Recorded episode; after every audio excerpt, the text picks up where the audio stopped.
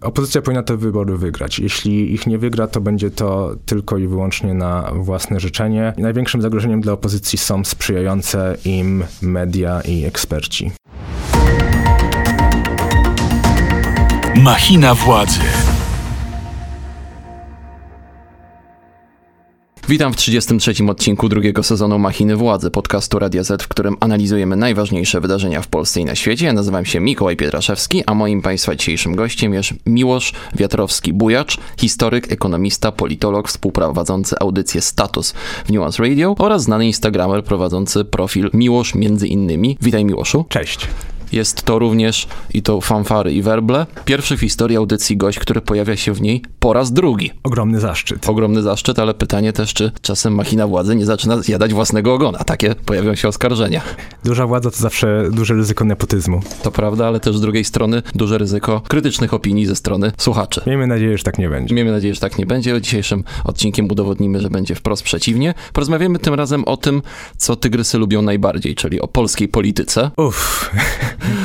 Mamy około pół roku do wyborów parlamentarnych, plus minus. Oczywiście nie będziemy teraz e, dywagować, kto je wygra, no bo to jest troszeczkę bezskuteczne.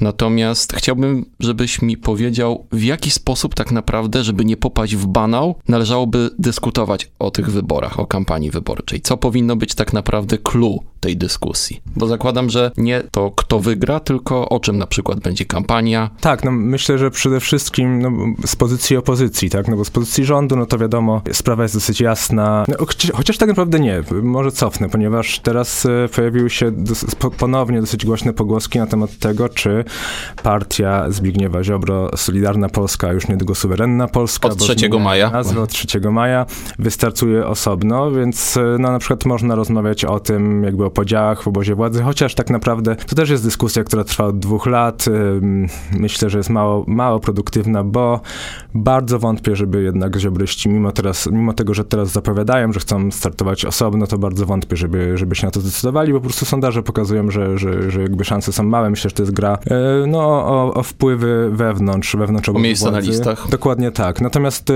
Chociaż tylko dodam, że oni bardzo odważnie sobie czasem poczynają retorycznie, bo na przykład słynny wiceminister rolnictwa Janusz Kowalski twierdzi, że mają absolutnie potencjał na to, żeby wystartować i stworzyć odrębne listy, a jeszcze w zeszłym roku, jak był u mnie tutaj gościem minister Michał Wójcik, perorował, że y, Solidarna Polska ma dostęp do sondaży, w których ta partia może osiągnąć nawet 6% poparcia. Chociaż żadne sondaże tego nie potwierdzały, ale był święcie przekonany o tym. Dodatkowo, jeśli uznamy, że takim maksem i najbardziej optymistycznym scenariuszem dla Solidarnej Polski jest 6%, no to już widzimy, że, że ryzyko jest ogromne, ponieważ 6% to jest naprawdę minimalnie nad progiem, więc jeśli z tych 6 zrobi się 4, no to byłby ogromny cios dla obozu władzy i, i nie spodziewam się, tak jak mówię, żeby, żeby do tego podziału doszło, zwłaszcza, że teraz poza tymi plotkami, że mają ruszyć osobno, to są też plotki na przykład, że Janusz Kowalski walczy o jedynkę w Opolu z Pawłem Kukizem e, wewnątrz właśnie wspólnej listy. A to może być mocarny pojedynek. Oj tak, bardzo bym chętnie usłyszał na przykład e, debaty takie prawyborcze wewnątrz PiSu między Januszem Kowalskim a Pawłem Kukizem. Natomiast no, już zostawiając obóz władzy, bo, bo myślę, że ciekawsza jest, e, jest opozycja, no też w pewnym sensie takim no, głównym tematem, czy, czy, czy, czy tym, o czym wszyscy myślimy, mimo że tak jak mówisz, nie powinniśmy, e, to jest za wcześnie, żeby przewidywać wynik wyborów, no ale jednak to są wybory mm, budowane przez obie strony jako czy opozycji uda się wreszcie odsunąć PiS od władzy, albo czy, czy PiS y, no, dokona czegoś bez precedensu. Czyli to jest refren, który powtarza się po czterech latach, tylko jeszcze mocniej, jeszcze głośniej. No tak, ponieważ jeśli PiS wygrałby te wybory, no to byłby pierwszą partią w historii trzeciej RP, która by zdobyła trzecią kadencję. Ale już, y, już, już wracając cały czas do tej opozycji, do której próbuję dojść, ale, ale idę trochę na, naokoło, no to produktywny sposób rozmawiania o tej kampanii, czy, czy o nadchodzących wyborach, no jest programowy, to znaczy zdecydowanie zbyt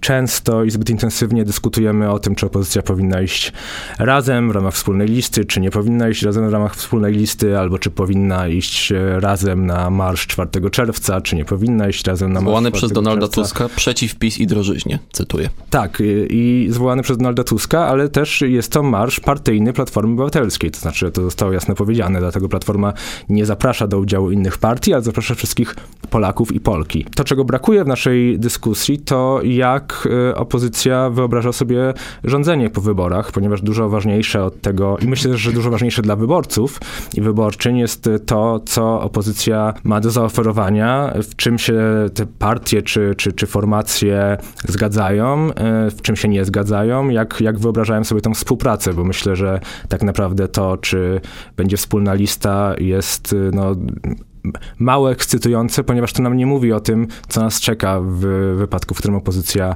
wygra.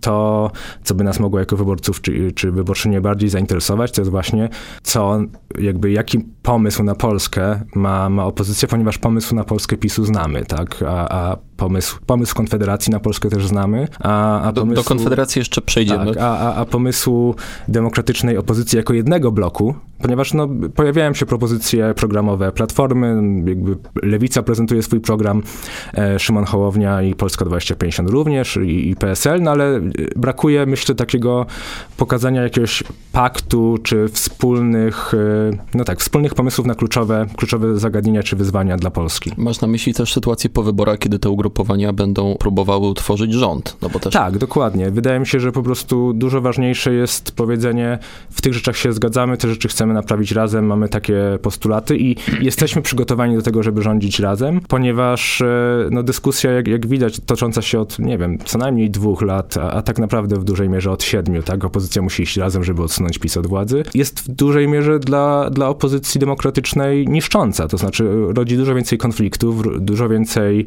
e, no właśnie, jakichś resentymentów, e, wzajemnego braku zaufania, niż e, nadziei dla wyborców, że to są ludzie, to są politycy i polityczki, którzy mają jasny pomysł, którzy dobrze rokują co do tego, że, że dogadają się po wyborach i, i stworzą rząd, który no, będzie e, działał na korzyść dobra wspólnego nas wszystkich. Też jest problematyczna sytuacja w kontekście ordynacji wyborczej, systemu Donta i późniejszego podziału mandatów. To znaczy, jeżeli sondaże dają opozycji większość, tej opozycji demokratycznej, o której właśnie rozmawiamy, to jest to większość albo minimalna, albo po prostu niewystarczająca, na przykład do obalenia weta Andrzeja Dudy. Więc pytanie też tutaj z perspektywy na przykład wyborcy e, czy wyborczyni tych ugrupowań opozycyjnych, jaki byłby poziom sprawczości takiego rządu? Co mógłby tak naprawdę zrobić? Bo bez wątpienia część y, zwolenników opozycji już dopytuje, co po odsunięciu PiSu od władzy. Jeżeli na przykład Andrzej Duda będzie blokował jakieś kluczowe ustawy, inicjatywy, jeśli na przykład Trybunał Konstytucyjny wciąż jednak i pewnie przez jeszcze jakiś czas zdominowany przez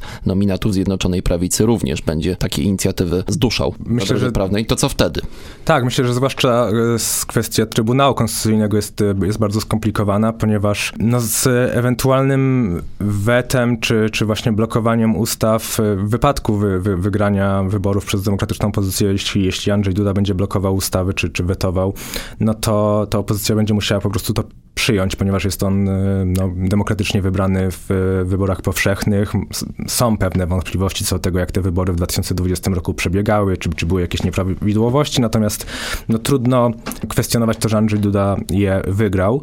Natomiast y, to, jak odnosić się do ewentualnych właśnie inicjatyw Trybunału Konstytucyjnego pod przewodnictwem pani Przyłębskiej, no, będzie dużym wyzwaniem dla, dla opozycji, ponieważ no, to jest Trybunał Konstytucyjny, który jest niekonstytucyjny tak jakby jest to absolutnie uznawanie jego władzy przez opozycję, no ja sobie tego nie wyobrażam. Zwłaszcza, że jednak duża część opozycji, a także ekspertów prawnych, nawet niekoniecznie związanych z opozycją, ale starających się zachować jakoś tam neutralność, mówi wprost, że to jest właśnie byt niekonstytucyjny, kwestionuje w ogóle sens jego istnienia i postuluje, żeby go zlikwidować. No właśnie, to też są ruchy, które nie są łatwe do zrealizowania. Tak, wydaje mi się, że tutaj nas może czekać e, dosyć spory chaos e, taki instytucjonalny, systemowy, konstytucyjny, ponieważ, no tak jak mówię, y, sytuacja, w której opozycja, Sejm i Senat przegłosowują jakąś, jakąś istotną dla nich y, ustawę i Andrzej Duda zamiast ją zawetować, wysyłają do Trybunału Konstytucyjnego i potem opozycja musi się jakby pogodzić z decyzją Trybunału, ja sobie tego nie wyobrażam. Jakby. Bo wysyła do Trybunału Konstytucyjnego ustawę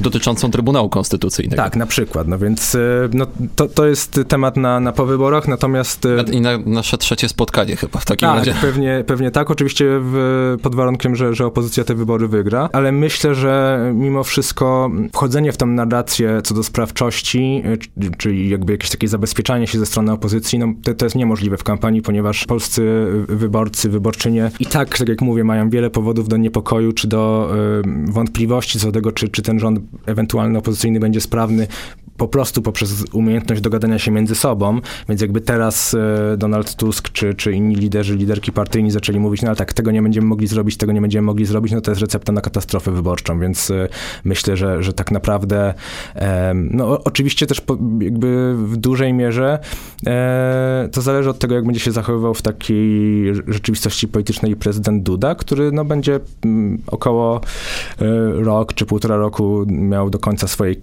drugiej, czyli ostatniej kadencji. No i, i wiemy, że, że ma ambicje co do dalszej kariery związane raczej z instytucjami międzynarodowymi i może się okazać, że on nie będzie rzucał e, opozycji kłód pod nogi, bo, bo nie będzie to w jego interesie. Ale więc... też opozycja wtedy będzie musiała się jakoś z nim dogadać. No tak, ale, ale możliwe, że, możliwe, że właśnie się, się dogada, tak jak e, jakby nie, nie byłoby to bez precedensu. Opozycja demokratyczna w Polsce była w stanie się dogadać z, z PZPR-em w 1989 roku, z prezydentem prezydentem Jaruzelskim to było nieporównywalnie większe. generałem Kiszczakiem. Tak, nieporównywalnie większe, większe wyzwanie. Także myślę, że opozycja powinna się jednak skupić na, na, na propozycjach programowych, na nie niuansowaniu ich z perspektywy tego, czy tutaj Duda się zgodzi, czy Trybunał się zgodzi, tylko mówienie, taki mamy pomysł na Polskę. To, co jest, myślę, bardziej ryzykowne, ale też rozumiem, dlaczego jest to używane, zwłaszcza przez polityków Platformy, no to są te wszystkie zapowiedzi o rozliczaniu PiSu, ponieważ o ile wyobrażam sobie, że, że prezydent Duda może być otwarty na to, żeby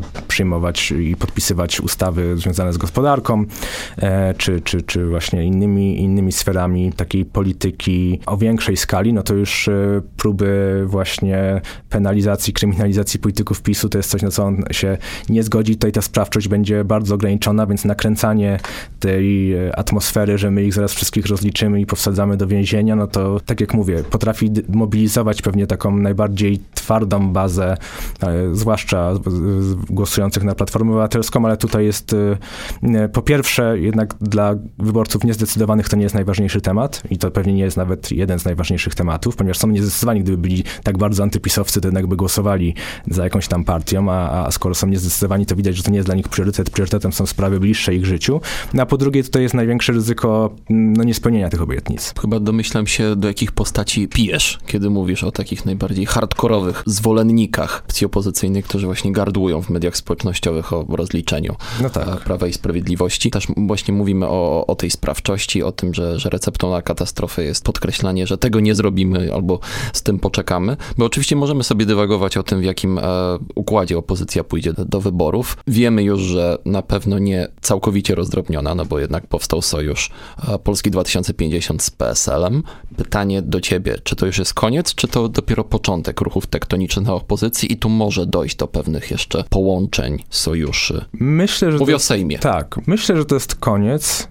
Ym, I tak naprawdę myślę, że cała opozycja powinna mieć nadzieję, że to jest koniec, ponieważ y, jakby to, że byłoby to powiedzmy ostatnie takie przemeblowanie y, i nie byłoby kolejnych, y, wiązałoby się z tym, że sytuacja sondażowa całej opozycji jest na tyle dobra, że nikt nie wykonuje nerwowych ruchów, więc tak naprawdę e, jedyny scenariusz, w którym sobie wyobrażam, że to jest pierwszy jakby kostka domino, która się e, jakoś tam przerzuciła i, i że będą kolejne, no to, to jest scenariusz, w którym po prostu opozycja za parę miesięcy widzi w sondażach, że szanse na zwycięstwo ma, ma bardzo małe i, i, w związku z tym zaczyna szukać jakiejś innej formuły, co, co niekoniecznie musi się skończyć sukcesem, więc tak naprawdę w interesie całej opozycji jest to, żeby y, jakby ta koalicja Polski 2050 i PSL-u e, osiągnęła teraz dobre wyniki sondażowe, umacniała się i, i, i dała taki zastrzyk właśnie sondażowy, który pokazywał, że no, szanse opozycji na zwycięstwo są duże i wtedy i kończy się ten taki okres wzajemnych ataków, i takiego właśnie szantażowania się emocjonalnego, co, który, który przyświecał ostatnim miesiącom.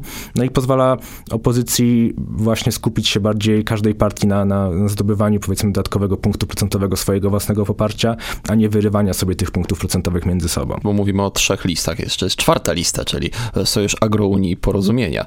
Dość egzotyczny z perspektywy e, politycznej, z perspektywy interesów e, grup, które reprezentują. Pytanie, czy to jest byt, który może namieszać w sondażach, czy na przykład widzisz go jako element dołączający może do tej koalicji Hołownia-Kosiniak?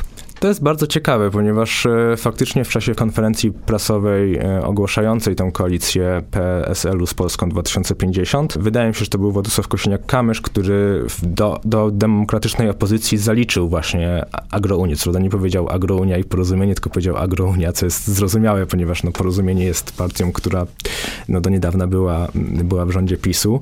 E, Jeszcze musi walczyć z tą reputacją. Tak, tak. Natomiast on powiedział, że faktycznie dla niego jest, jest fundamentalna różnica między PiSem a tymi formacjami i wymienił w tym Agrounię jako właśnie formację, z którą e, ta nowa koalicja PSL Polska 2050 nie zamierza nie tyle rywalizować, bo oczywiście rywalizować zamierza, natomiast e, nie zamierza chyba użył słowa dawać, dawać kuksańców, czy jakby, Zwalczać. Tak, zwalczać, rzucać kłody pod nogi, krytykować, atakować. Co do tego, czy Agrounia jest w stanie namieszać, nie wydaje mi się. E, no te wyniki sondażowe są jednak no, stabilnie niskie, to znaczy nie widziałem sondażu może się mylę, ale nie widziałem sondażu, w którym agrounia w ostatnich miesiącach przekraczałaby 2%, 2, 2, 2% poparcia. Czyli raczej walczą o próg subwencyjny niż próg No właśnie, walczą raczej o próg subwencyjny 3%, 3%, a też trochę jest tak, że no, takie inicjatywy zazwyczaj osiągają największe poparcie na początku swojego powstania, czy większej aktywności. I, i jeśli uda się osiągnąć właśnie taki, taki moment skali, czy, czy tego, że, że no, tak, tak pojawiają się, mają wysokie poparcie i potem jakby media zaczynają się nimi interesować i, i, i promować czy zapraszać i, i, wtedy jest taka, taka masa krytyczna jakby uwagi medialnej, to można to utrzymać.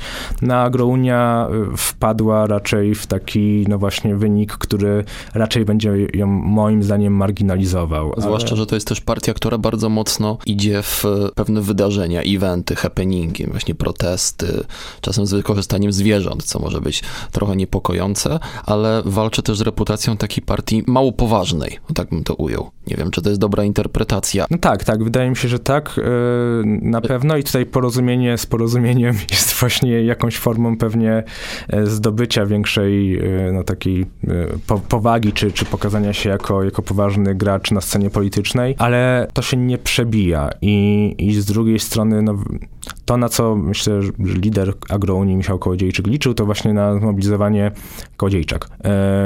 liczył to, to zmobilizowanie takich wyborców antysystemowych. Ich raczej mobilizuje Konfederacja. Agrounia nie przebija się w mediach społecznościowych, a na uwagę mediów głównego nurtu nie za bardzo może liczyć. Raczej też, bo był taki moment, że, że no, różni spin doktorzy opozycji demokratycznej, czy, czy komentatorzy medialni widzieli w e, Agrounii, czy w, właśnie w, tym, w tej formacji Agrounii porozumienia jakąś szansę na, na podgryzanie PiSu. Tak? Może oni nie prze, przekroczą progu wyborczego, ale warto ich promować, bo to może być taki koń trojański, który te, te parę punktów procentowych PiSowi odbierze. No ale tutaj też jakby na razie nic na to nie wskazuje, żeby, żeby taka szansa była, więc no ja nie za bardzo widzę drogę dla, dla agrounii, żeby, żeby samo, samoczynnie zaistnieć być może to, że, że Władysław Kośniak-Kamysz wypowiedział się właśnie w taki dosyć życzliwy sposób o agrounii jest właśnie, a jednocześnie też wczorajsza konferencja prasowa e, no, była też w, zbudowana wokół tego hasła, że, że jesteśmy jakby bardzo otwarci, tak, jesteśmy otwarci na, na bezpartyjnych samorządowców, na różne inne ruchy polityczne, formacje. Potrafię, jakby dla mnie dużo bardziej prawdopodobnym scenariuszem, chociaż nie mówię, że prawdopodobnym, jest, jest faktycznie próba e, włączenia co najmniej części osób zaangażowanych zaangażowanych w Agrounię do tej koalicji PSL-u z, z Polską 2050, niż to, że Agrounia z porozumieniem przekroczą 5% poparcia i wejdą do Sejmu. Słuchasz podcastu Radia Z. Wspomniałeś o tym, że kolejne, że tak ujmę to metaforycznie, mieszanie w herbacie nie sprawi, że y, wyborcy opozycji będą bardziej przekonani co do zwycięstwa, że z ich perspektywy lepiej, żeby te ruchy tektoniczne się już zakończyły. Chciałbym powiedzieć o tym, jak, a właściwie zapytać cię też i podjąć ten wątek, jak łatwo jest sterować poprzez sondaże na przykład nastrojami społecznymi. Nie wiem, popraw mnie, jeśli się mylę, ale ja pamiętam, że na początku roku, na przełomie 2022-2023 roku, raczej nastroje były takie, że opozycja z dużym prawdopodobieństwem odsunie PiS od władzy. Że nawet jeśli PiS będzie miało najwyższy wynik, najwyższy współczynnik poparcia, to nie będzie w stanie sformować rządu z nikim. No też Konfederacja miała niższe poparcie. Mam wrażenie, że około miesiąc temu, w marcu, jakoś to wahadło drastycznie odchyliło się w drugą stronę i to tak naprawdę za sprawą, nie wiem, dwóch sondaży, w tym jednego dość kontrowersyjnego sondażu tak zwanego obywatelskiego, który opublikowała Gazeta Wyborcza. Wzbudził dużo kontrowersji z uwagi na metodologię, z uwagi na sposób przeliczania mandatów, z uwagi na to, że został y, opublikowany niepełnymi danymi, a także w kilku wariantach, z których żaden nie zawierał na przykład sojuszu PSL z Polską 2050 i już wiemy, że tego, który stał się fakt. I mam wtedy wrażenie, że doszło do pewnego właśnie przesunięcia wahadła i nastroje społeczne, przynajmniej z perspektywy wyborców opozycji, wpadły raczej w taki dołek na zasadzie, o nie, teraz już ola Boga, PiS raczej ma przewagę, raczej nie wygramy. W sensie jest 7 miesięcy do wyborów i pewnie sytuacja może się kilka razy zmienić. Znów opozycja może zacząć zwyżkować w sondażach, znów może PiS potem e, obrócić to na swoją korzyść, Konfederacja może spaść, może wzrosnąć. Nie masz wrażenia, że my jako odbiorcy mediów, jako społeczeństwo, jako opinia publiczna, bardzo łatwo dajemy się poddać takim czasami manipulacyjnym e, działaniom, czasami jakimś takim też szantażom. Sam zresztą określiłeś ten sondaż, to badanie z Gazety Wyborczej sprzed miesiąca, jako właśnie próbę szantażu i manipulacji.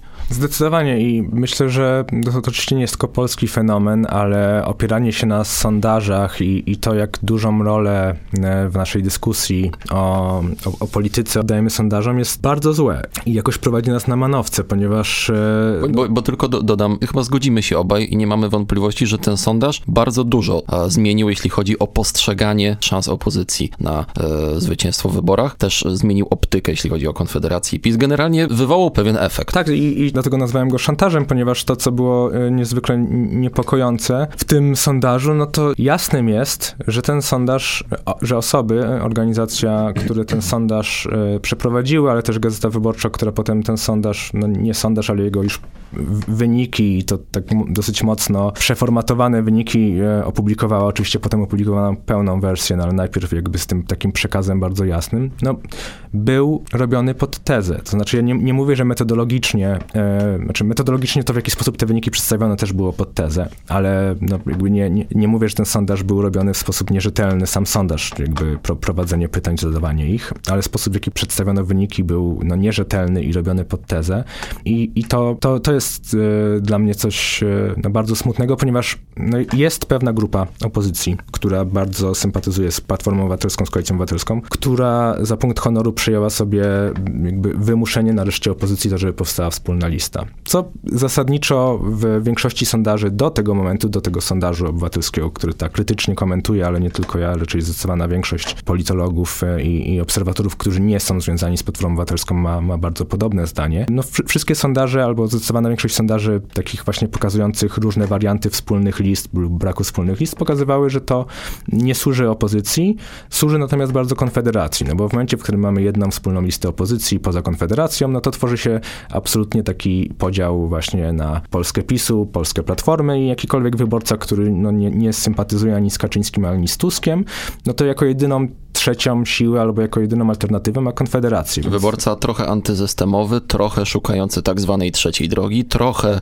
może gdzieś zabłąkany w tym gąszczu tak, no wyborca, inicjatyw. który źle wspomina e, rządy Platformy, albo dlatego, że faktycznie no, był, był niezadowolony z tego, jak sprawy się wtedy toczyły, albo dlatego, że jakoś e, no, przekonała go ta narracja PiSu i medialna, że rządy Platformy były, były nieudane, ale też nie jest zadowolony z, z tego, jak wyglądają rządy PiSu i, i jak wygląda rzeczywistość społeczno-gospodarcza w Polsce w tej chwili, no to, to, to zostaje wtedy postawiony pod ścianą. Albo mogę zostać w domu, albo mogę zagłosować na Konfederację, bo tylko oni jakby wychodzą poza, e, poza to, to starcie PO z PiSem. I zazwyczaj opozycji w sondażach idzie dużo lepiej, kiedy ten temat wspólnej listy e, znika, ponieważ kiedy on się pojawia, no to opozycja zaczyna się oskarżać, tak jak mówiłem, podgryzać nawzajem, pojawia się bardzo dużo złośliwości, nakręca się wtedy jakby tych najbardziej przekonanych wyborców, fanów, czy to Polski 2050, czy, czy Platformy, czy Lewicy na siebie nawzajem, wszyscy się wyzywają i, i, i to wyborców takich e, umiarkowanych no,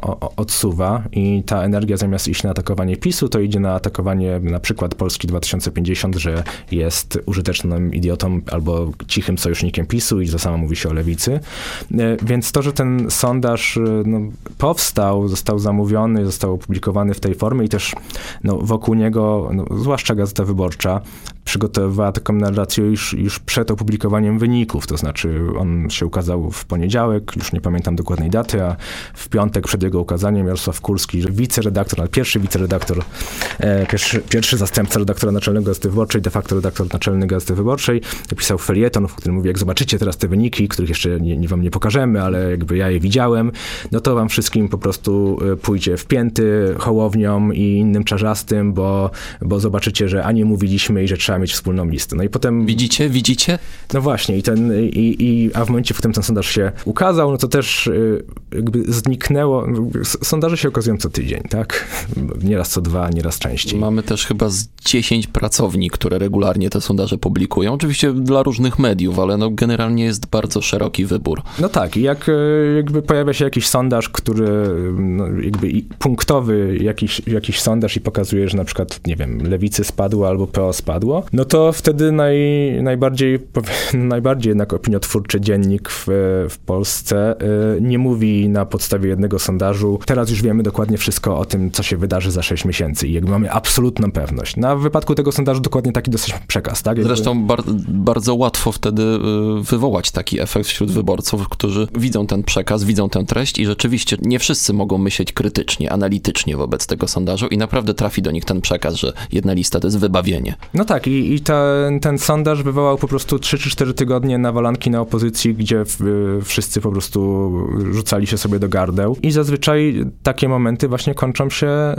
no, spadkiem y, sondażowym dla, dla partii opozycyjnych. Teraz mam wrażenie, że trochę no, dwa tygodnie temu, około czy trzy, sytuacja się trochę uspokoiła. Donald Tusk w jednym wystąpieniu już, e, bo, bo też to, to, to, co jest ciekawe, to że właśnie w tym okresie między piątkowym, wtedy ten półtora miesiąca temu, piątkowym e, felietonem Jarosława Kurskiego, a poniedziałkowym opublikowaniem wyników tego sondażu czy szantażu obywatelskiego była e, konwencja, czy, czy jakieś duże spotkanie z Donaldem Tuskiem, na którym on też się wypowiadał właśnie w takich słowach, jakby wiedział dokładnie, jakie są wyniki tego sondażu, jakby dostał taki przeciek i i, mówił, że albo będzie jedna lista opozycji, bo albo pójdziecie z nami, albo będziecie wszyscy pod progiem na miesiąc przed wyborami i tylko my wejdziemy do, do Sejmu. I to było bardzo mocne i takie szantażujące. Albo, że będziecie wszyscy pod progiem i wtedy przyjdziecie do nas na kolanach. Tak, albo, albo po dobroci, albo, albo z przymusu. No i potem trzy tygodnie około później Donald Tusk się z tego trochę wycofał, powiedział, że to, czy pójdziemy razem, jakby jedną listą, czy nie, jest dużo mniej istotne niż to, czy będziemy współpracować. Zresztą będziemy... Donald Tusk też e,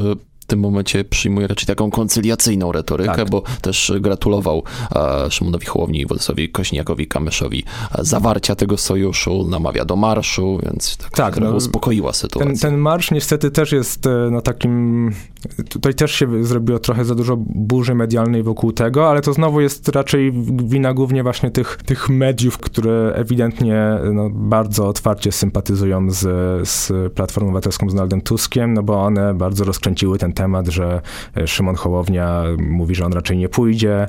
E, też było mnóstwo zarzutów wo, wo, wobec lewicy, że lewica nie pójdzie, chociaż i Czarzasty i Biedroń powiedzieli, że pójdą, no ale to oczywiście nie przeszkadzało takim fanatycznym zwolennikom e, czy, czy poplecznikom w mediach Platformy Obywatelskiej, żeby mówić, że tutaj jesteście, tak, jesteście frajerami, jesteście zdrajcami Polski, bo nie pójdziecie, a Czarzasty mówi, ja przecież powiedziałem, że pójdę i, i Biedroń. No tak, trochę nie pasuje to do przekazu. No tak, więc, więc myślę, że, że głównym problemem opozycji tak naprawdę są ich e, tak medialni, medialni kibice, którzy starają się sprowadzać koalicję obywatelską, Platformę Obywatelską Donalda Tuska na drogę właśnie tej konfrontacji, besztania opozycji, szantażowania opozycji, całej reszty, a to tak naprawdę niczego, niczemu nie służy i, i mam nadzieję, że właśnie też fakt, że wreszcie powstała ta koalicja między Polską 2050 a, a PSL-em spowoduje, że narracja o tym, że, że PSL nie wejdzie albo że Polska 2050 spadnie pod próg, zniknie. Chociaż oczywiście już e, od wczoraj pojawiają się głosy krytyczne, że tutaj oni się zdecydowali na, na komitet koalicyjny wyborczy, czyli będą musieli przekroczyć próg 8% i że to też jakby jest bardzo nieodpowiedzialne, bo co jeśli e, nie przekroczą, no ale póki co wszystkie sondaże już badające jakby opcje wspólnego startu Polski 2050 i PSL-u jeszcze przed tym ogłoszeniem pokazywały jednak poparcie w wysokości nie wiem, 13 do 15%. No i pierwszy sondaż wczorajszy, czy tam z przedwczoraj, jakby już bardzo blisko tego powstania, też dał im 13%, 13% więc myślę, że... Rozumiem, że to tutaj e, nawiązanie do 2015 roku, kiedy e, Zjednoczona Lewica nie przekroczyła 8% progu. Tak, no ale, ale tak jak mówię, to, to ryzyko, że, że PSL i, i Hołownia nie przekroczą progu 8% jest, jest bardzo, bardzo, bardzo małe ale ono może wzrosnąć, jeśli taką narrację będą suflowały właśnie media, takie jak Gazeta Wyborcza, jeśli będą powtarzały na każdym kroku, że tutaj jest ryzyko, że nie wejdą, więc nie warto na nich oddawać głosu, no to, to, to mogą spadać. Jeśli będą atakować Hołownię, że jest zdrajcą, bo nie idzie na marsz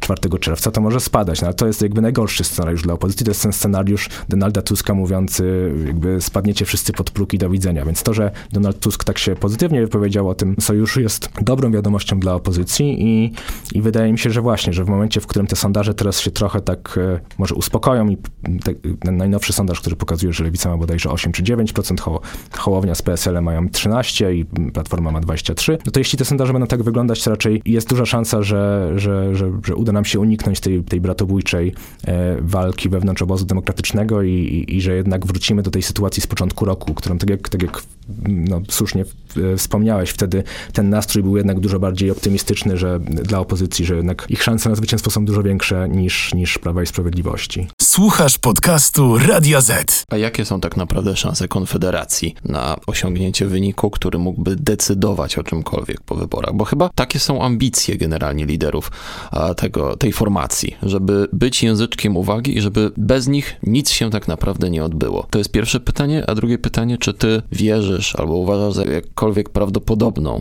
koalicję PiS z Konfederacją, o której też się spekuluje. Sam chyba z dwa czy trzy artykuły e, napisałem na temat tego, że to się w spekulacjach pojawia. E, znaczy dla mnie to w ogóle nie brzmi egzotycznie. Oczywiście no, miało to by brzmieć egzotycznie, dlatego że programy gospodarcze Konfederacji... Znaczy tutaj pytanie, co tak naprawdę przeważy? Tak, no...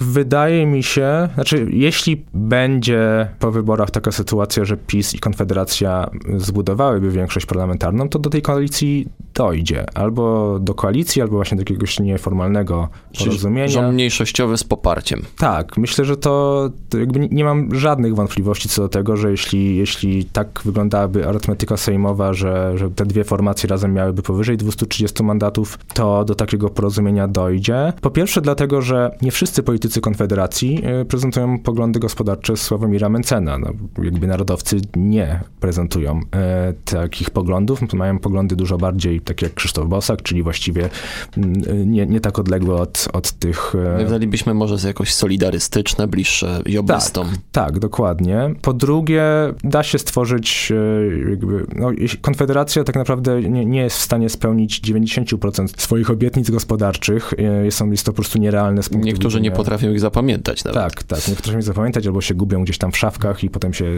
ustawy Mencena przy przeprowadzkach się gubią i potem już ich nie ma, ale e, no, no tak, zdecydowana większość tego programu gospodarczego jest po prostu kompletnie wzięta z księżyca i niemożliwa do wprowadzenia, ale na przykład e, no, uproszczenie systemu podatkowego, gdyby, nie wiem, Sławomir Mencen został wiceministrem finansów, może nie zostałby ministrem finansów w takim scenariuszu, a może by został, no i by wprowadził jakieś zmiany w systemie podatkowym, w CIT, czy, czy, czy, czy, czy nie wiem, dotyczących składek ZUS-owskich, no to, to już Konfederacja mogłaby wtedy obwieścić swój sukces, a jednocześnie cała ta y, sfera związana z, z religią, z, z, ze skrajną nacjonalistyczną wizją polskiej historii, tego jak powinno wyglądać polskie społeczeństwo, polski naród, no to tutaj PiS i Konfederacja są całkowicie zgodni. Niechęć więc... do aborcji, niechęć do mniejszości tak jest, wszelakich. Tak jest, dokładnie, więc... Yy, Aczkolwiek więc... jak rozmawiałem kilka miesięcy temu z nowym konfederatą, wtedy nowym konfederatą, posłem Stanisławem Tyszką,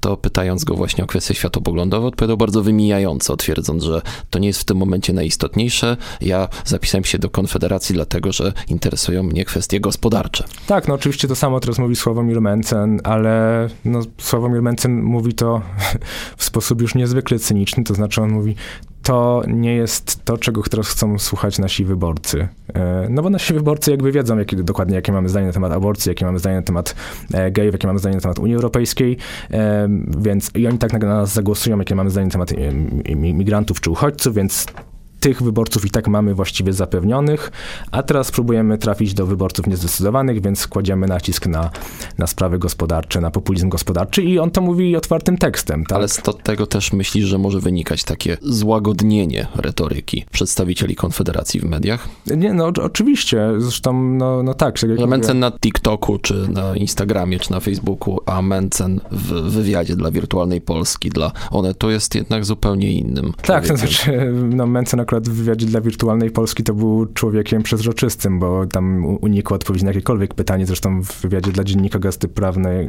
sprzed paru miesięcy, jeszcze sprzed tego, tej zwyżki sondażowej Konfederacji też unikał jakby odpowiedzi na jakiekolwiek konkrety. To jest bardzo, bardzo zabawne, tak? Nie, oni, oni w tej chwili boją się powiedzieć cokolwiek na temat tego, jakie chcieliby wprowadzić podatki, jakie chcieliby znieść podatki, jakie, jakby, jak, jak sobie wyobrażają ZUS, jak sobie wyobrażają relacje z Unią Europejską, oni na wszystko odpowiadają, że to pokażemy, powiemy po wyborach, bo Czy zobaczymy. To jest taki troszeczkę sprinterski, sprinterska metoda w tym sensie, że nie jest nastawiona na długofalowe o, ja, o, Oczywiście, no ale to populiści są zawsze nastawieni na, na, na krótkotrwałe efekty, ponieważ jak już wejdą do, do rządu, no to ich jakby cała, cały ten e, powab antysystemowości spada, więc to jest e, sztuczka, którą można przeprowadzić raz.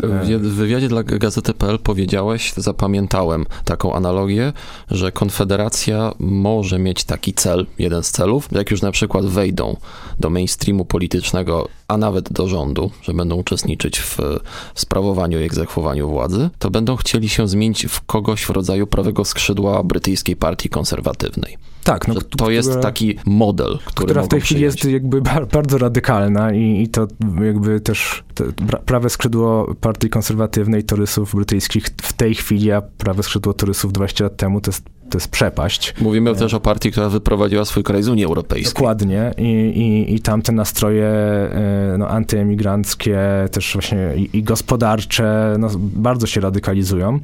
E, natomiast tak, no, Konfederacja myślę, że, że ba bardzo prawdopodobne, że, że poszłaby takim torem i wtedy właśnie uderzałaby mniej do, do wyborców młodych, zwłaszcza, że też demografia jest taka w, obecnie w Polsce, że, że te kohorty wiekowe młodych wyborców są bardzo, bardzo małe. Czytałem właśnie dzisiaj, że jakby liczba 18-latków, która osiągnie pełnoletność w tym roku i mogłaby zagłosować po raz pierwszy w wyborach, to jest 300 tysięcy osób, a liczba 40-latków, którzy mogą zagłosować w tym roku w wyborach, to jest 600 tysięcy osób. E, więc a 60-latków? Tego, tego nie wiem. No pewnie porównywalna do 40-latków, jednak 40-latkowy to jest też e, ten boom gospodarczy, ten boom, demograficzny niepowojenny, no ale, ale z lat e, 80. początku. Czyli chcesz powiedzieć, że Konfederacja już nie będzie tak mocno adresować swojego przekazu i swojej agendy do młodych. Że... Tak, będzie, będzie adresować do przedsiębiorców, którzy no właśnie będą pewnie coraz więcej czy czuli nacisk na to, że, że muszą podnosić pensje, tak, bo to już w tej chwili przy tak niskim bezrobociu, no to będą czuli się coraz bardziej obciążeni tym, że muszą podwyższać pensje pracowników, że nie wiem, że mają coraz większy problem z konkurencją na rynkach europejskich, ponieważ ich koszty pracy będą rosły, e, że nie będziemy już dostawać takich dotacji z Unii, więc, e, więc myślę, że, że będą wtedy uderzać właśnie w tą taką klasę średnią, klasę średnią niższą, klasę małych przedsiębiorców, którzy no już w tej chwili też w dużej mierze dzięki działalności i narracji Platformy Obywatelskiej czy Leszka Balcerowicza są bardzo negatywnie nastawieni do państwa i, i to się będzie tylko prawdopodobnie pogłębiać i Konfederacja tutaj może mieć dużo większy potencjał y, do, do jakby łowienia wyborców niż wśród tych młodych, którzy no się na nich bardzo szybko zawiodą, tak, no bo wierzą w te y, jakby obietnice bardzo radykalne, których, których nikt nie wprowadzi i, i kiedy Konfederacja no, znormalnieje, to, to, to się od nich odwrócą. Zawsze się wydawało tak instynktownie i intuicyjnie, że młodzi są progresywni, raczej. Przynajmniej właśnie kiedy są młodzi, że są bardziej otwarci, bardziej liberalni, radykalni owszem również, ale to by się trochę kłóciło z tym konserwatywnym e, backgroundem, który e, towarzyszy Konfederacji. Aczkolwiek mam tutaj ze sobą dane Fundacji Konrada Adenauera, której na przykład wynika, że wśród młodych ludzi około połowa to są zwolennicy szeroko pojętej prawicy i PiSu i Konfederacji. Więc to nie jest tak, że do końca ci młodzi są aż tak liberalni i progresywni. Oczywiście w tym samym badaniu mam też na przykład, że 61,2% młodych Polaków w ogóle nie definiuje swoich poglądów politycznych na osi lewica i prawica umieszcza je albo poza skalą, albo deklaruje taki brak sprecyzowanych poglądów. Więc to też jest oczywiście pole do działania dla partii tak zwanych antysystemowych. No tak, jakby to, to już jest pokłosie polskiej narracji e, edukacyjnej, historycznej ostatnich, gospodarczej ostatnich 30-40 lat. No, po, polska młodzież i ta obecna i jakby też, no nie wiem, kiedy my byliśmy w liceum e, 15 lat, czy 10 lat temu, czy kiedy to było, e, to...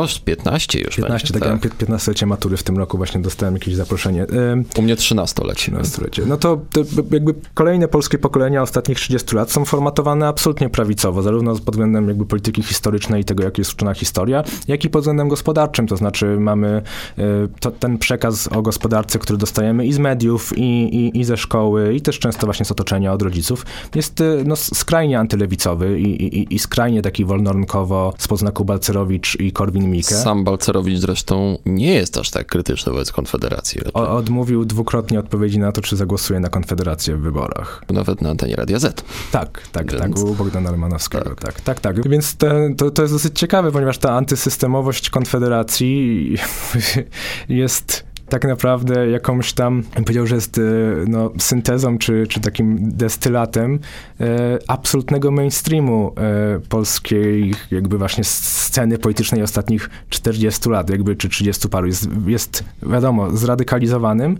ale to ich poglądy, poglądy osób głosujących na Konfederację są, są właśnie dokładnie logiczną konsekwencją tego, czego jakby uczyliśmy e, po, Polki, Polaków przez ostatnie 30 parę lat, czego jakby głównych głosów medialnych, więc oni mogą być antysystemowi w takim sensie, że nie, nie podoba im się, że politycy są cały czas tacy sami od 35 lat u władzy, ale jeśli chodzi o poglądy, no to są idealnym produktem y, trzeciej RP. I nie powinniśmy być zszokowani tym, że Konfederacja osiąga na przykład dwucyfrowe wyniki w sondażach. No nie, nie, ponieważ e, sobie takich właśnie e, wyborców i społeczeństwo e, budowniczy trzeciej RP wyprodukowali. To na koniec jednak zadam to pytanie. Jesteś w stanie przewidzieć rezultat wyborów, które odbędą się w tym roku? Czy naprawdę w tym momencie jeszcze nie ma sensu? Myślę, że nie, znaczy inaczej powiem tak, opozycja powinna te wybory wygrać. Jeśli ich nie wygra, to będzie to tylko i wyłącznie na własne życzenie. I tak jak już powiedziałem w tej rozmowie, największymi, największym zagrożeniem dla opozycji są sprzyjające im media i eksperci. I tym akcentem kończymy naszą dzisiejszą rozmowę. To był 33 odcinek drugiego sezonu podcastu Radia Z Machina Władzy, podcastu, w którym analizujemy najważniejsze wydarzenia w Polsce i na świecie. Moim Państwa dzisiejszym gościem był Miłosz Wiatrowski-Bujacz, historyk, ekonomista, politolog, doktorant Uniwersytetu Yale, współprowadzący audycję Status w Nuance Radio i znany instagramer prowadzący profil Miłosz między innymi. Śledźcie go, ponad 160 tysięcy followersów. Nie mogło się mylić, parafrazując słynny album Johna Bon Joviego oraz album Papa Dance. No tak. Tam było 100 tysięcy fanek. Oraz, tak jak wspomniałem, pierwszy w historii gość, który pojawił się tutaj po raz drugi. Dziękuję Ci bardzo za zaproszenie. Bardzo mi miło. Myślę, że to też będzie tendencja i proszę tutaj naprawdę nie obawiać się zjadania własnego ogona. Tymczasem słuchajcie nas na playerze Radia Z, na YouTubie, w serwisach streamingowych takich jak Spotify, Apple Podcast czy Google Podcast. W kolejnym odcinku znów spotkam się z wami ja, czyli Mikołaj Pietraszewski. Raz jeszcze więc dziękuję za dzisiejszą audycję. Do usłyszenia. Machina władzy. Więcej podcastów na player radioz.pl.